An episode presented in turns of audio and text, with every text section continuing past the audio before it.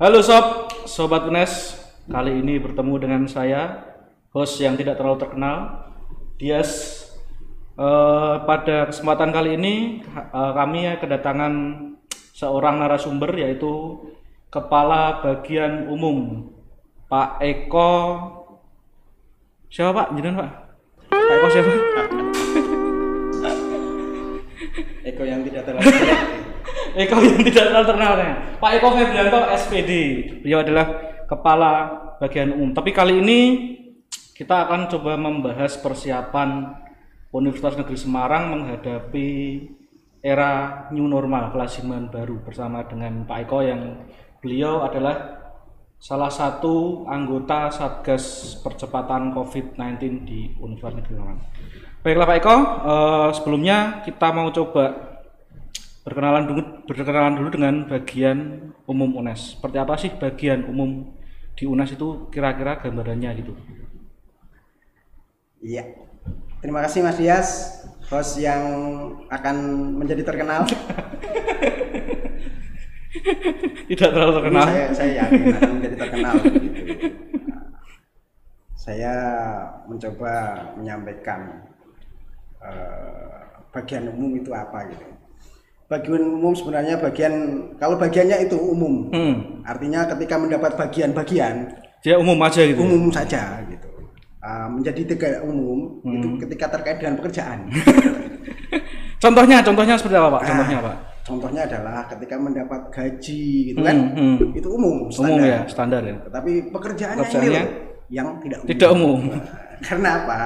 Uh, bagian umum adalah uh, bagian yang menangani segala sesuatu Hmm. yang ada di UNES. UNES, Artinya uh, mulai dari cleaning service, Hmm. kemudian satpam, kemudian pelayan pegawai hingga ke pimpinan sampai ke rektor. Oke. Bisa bisa dikata eh, bagian umum itu menangani hal dari genteng ke Sampai? septic tank. Oke. Nah, Baiklah. itu bagian umum. Pantesan agak bau ya. Ya, bau-baunya tapi Bau-bau genteng maksudnya, bukan bau-bau yang ya, bawah a- tadi. Bau itu ada dua, ada bau wangi, ada bau bau yang Oke. tidak wangi. gitu. Baik Bapak Eko sebagai kabak tentunya punya beberapa subbagian ya. Eh, bisa diberitahu ke sobat UNES siapa saja sih di subbagian umum itu di bagian umum ada sub-subnya itu siapa saja kira-kira biar lebih kenal sobat UNES sekalian ya. Ya, pada intinya di bagian umum itu menangani tiga hal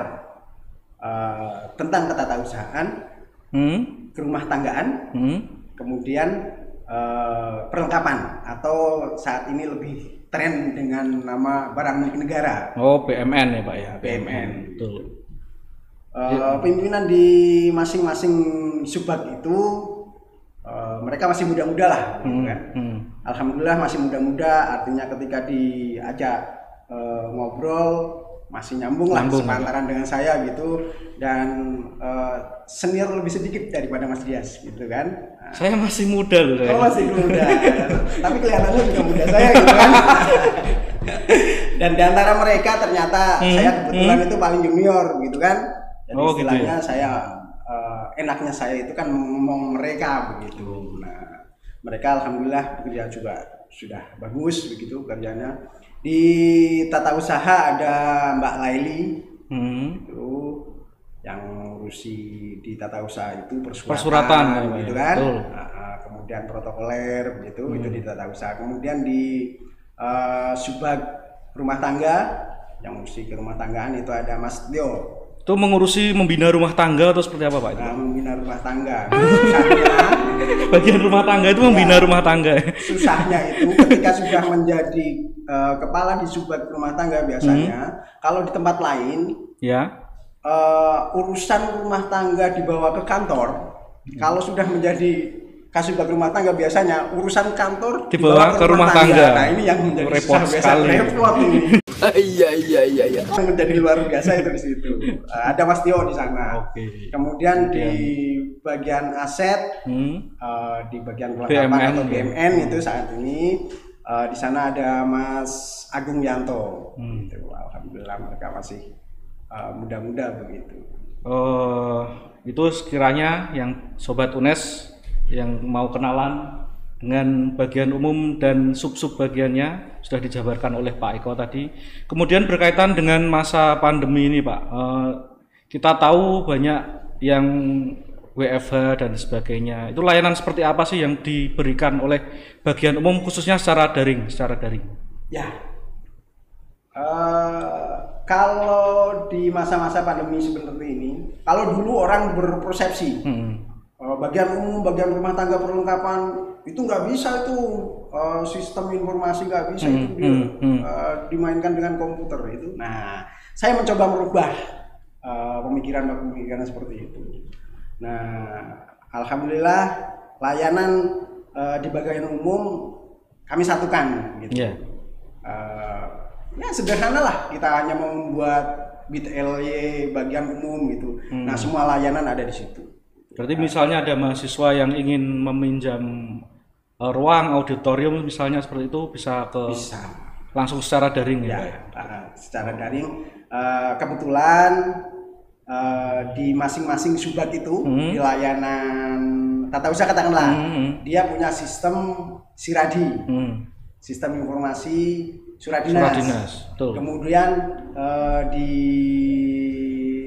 tata usaha uh, di tata usaha ya tadi ya siradi itu kemudian di uh, rumah tangga ada simarta, Hmm. sistem informasi rumah tangga. Kemudian di uh, BMN ini kita gencet si Agung, gitu Hmm. kan? Uh, ada aset dan gudang. Gitu. Nah, kita hanya di daring ini masa pandemi ini kita hanya menyatukan tiga sistem itu kita bukakan satu pintu. Oh, gitu. Nah, mau berurusan Agar- dengan eh, apa pelayanan apa? Kalau pelayanan sunat kita larikan ke Siradi. Pelayanan eh, ruang, kemudian ke rumah tanggaan kita larikan ke Simarta. Si Marta. Yang Oke, berarti bisa bisa BMN, bisa dipantau semua oleh Iya. misalnya oleh mahasiswa yang yang ingin meminjam bisa memantau progresnya seperti itu ya Pak ya. Betul. Mas kemudian kita eh, ketahui kemarin Rabu lalu ya kalau tidak salah Bapak Rektor serta jajarannya kan sempat safari keliling itu Pak. Betul. Untuk ini kelihatannya ngintip nih. Eh, saya dapat kisi-kisi Oh, iya, untuk mengecek persiapan Oh, ini menuju era kelaziman baru atau new normal itu seperti apa Pak? Eh, kesiapan yang sudah dilakukan di tingkat rektorat dulu misalnya di gedung rektorat dan kemudian di fakultas-fakultas yang lain. Ya, betul, Mas Dias. Kemarin memang sempat saya juga diajak Hmm. untuk berkeliling, Itu sebenarnya diajak apa enggak sih Pak? Apa jenengan cuman ikut aja nggak diajak sebenarnya gitu? diajak gitu. Oh diajak. Tapi yang terpenting Diajak ya, diajak. Nah, diajak, catat ya sob. Diajak, gitu kan.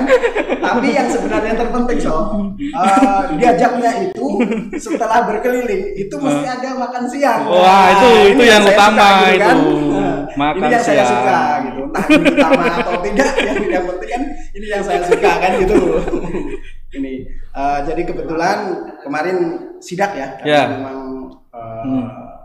Apa rencananya tidak terlalu direncanakan Hmm, gitu. dan nanti mendadak ya. eh, ke depan akan ada monev yang itu terstruktur ada datanya kemudian penilaian Hmm, hmm. dan ini harapan dari pimpinan nanti kita dinilai Oh gitu. Nah, Sejauh apa kesiapannya seperti itu? ya masing-masing unit sejauh apa Kalau kesiapannya dari untuk dari tinjauan yang kemarin seperti apa Pak yang sudah dilakukan? Kesiapannya Ya. seperti apa? Apakah sudah menyiapkan eh, alat alat kesehatan atau paling tidak hand sanitizer atau seperti apa? rata-rata di antara masing-masing unit itu sudah siap semua Sudah. ya dari yang cuci tangan Hmm, hmm. gitu kan tempat cuci tangan kemudian hand sanitizer Hmm. kemudian eh, apa eh, pengaturan tempat yang ditandai Ya. untuk physical distancing Hmm. gitu kan itu mereka sudah siap semua dan yang saya cukup salut adalah di masing-masing unit itu sudah ada ruang ini ruang untuk isolasi begitu Oh gitu. Artinya mereka yang eh, dinyatakan mungkin suhunya kalau lebih dari 38 Masukkan situ ya Pak. masukkan ruang si- isolasi begitu baru kita hubungi satgas eh, Covid. COVID. gitu untuk eh, penanganan lanjut, gitu. Ini yang saya salut itu. Berarti secara umum untuk menuju ke era kelaziman baru atau new normal ini UNES sudah sudah siap ya Pak. Sudah siap secara umum. Secara Hanya umum. ada pembenahan di eh, beberapa hal seperti di eh, sisi akademik mungkin penempatan ruang kuliah ini masih proses penataan kalau Nah, saya itu. lihat di Itu yang yang jadi garis besarnya kan seperti itu. Eh, jadi nanti akan menyambut mahasiswa di bulan Desember kalau tidak salah ya Pak Eko. ya Ada kedatangan mahasiswa itu protokol-protokol atau hal-hal seperti apa sih yang harus diperhatikan oleh mahasiswa atau UNES sifatnya menghimbau atau memaksa mahasiswa untuk men- menyiapkan protokol itu seperti apa? Ya, eh, kalau terkait dengan mahasiswa yang saat ini sudah didahulukan untuk dilayani adalah yang di laboratorium. Hmm. Jadi untuk yang praktikum-praktikum eh, sudah diperkenankan. Itu. Nah, eh, ketentuan masuk di ruangan praktikum di masing-masing eh, unit itu sudah punya protokol tersendiri. Katakanlah penggunaan alat praktikum hanya sekali pakai, katakanlah seperti penggunaan sarung tangan, begitu. Setelah itu kemudian dibuang, begitu. Kemudian masker itu juga seperti itu. Nah, eh, yang seperti ini yang yang sudah disiapkan oleh masing-masing, terutama pengelola lab yang ada di apa, yang di, Di masing-masing fakultas dan Iya, unit ya. masing-masing fakultas. Kemudian ketika kita memasuki eh, new normal atau kelaziman baru itu kan akan ada beberapa kegiatan misalnya rapat atau bahkan auditorium nantinya akan dibuka lagi. Itu ad- ada pembatasan-pembatasan nggak sih untuk jumlah jumlah maksimal peserta seperti apa? Ya. Seperti apa gitu?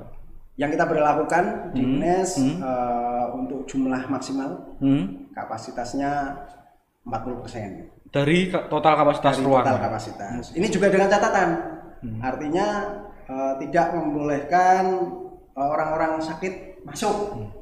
Misalnya panu, kadas, kurap gitu ada kan. sekurap. Ah, Nah, itu tidak boleh masuk Anda. yang lebih lagi yang ini yang penting.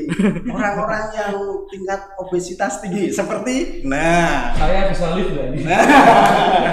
ini yang yang yang penting. Nah ini yang, yang juga kami jaga begitu. Apalagi orang yang obesitas tinggi kemudian eh, setelah dicek suhu tubuhnya itu lebih dari 38 nah ini harus masuk ke ruang isolasi Oke, hal-hal jadi- seperti ini yang sudah sudah sih sudah Sudah dilakukan ya, sudah Pak? kita Sudah lakukan sudah kita atur Eh, kemudian yang yang terakhir mungkin dari saya pertanyaannya untuk Pak Eko ya. Bocoran aja nih sebenarnya ada nggak sih rencana rencana UNES untuk melakukan tes massal misalnya rapid PCR atau swab di di lingkungan UNES untuk warga UNES.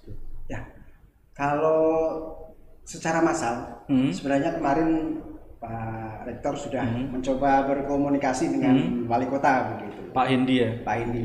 Akhirnya Pak Indi itu kemarin eh, meminta surat cinta dari Rektor, Hmm. gitu untuk hal itu. Hanya sejauh ini saya belum tahu perkembangannya seperti apa. Hmm.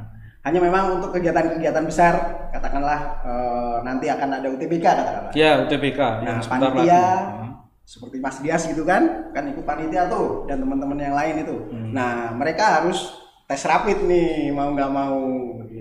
Nah, Saya kok deg-degan. nah ini yang yang penting gitu kan, harus di rapid test. Kemudian kalau memang dinyatakan reaktif, di tes berikutnya di swab. Oh gitu. Berarti sekali rapid itu nggak nggak langsung diisolasi kan ya Pak ya? Saya deg-degan loh terus. Terus terang ini saya deg-degan ini kalau di Nah rapid. ini Rapid justru kadang deh. kadang yang yang Nah. deg-degan ini yang bahaya loh.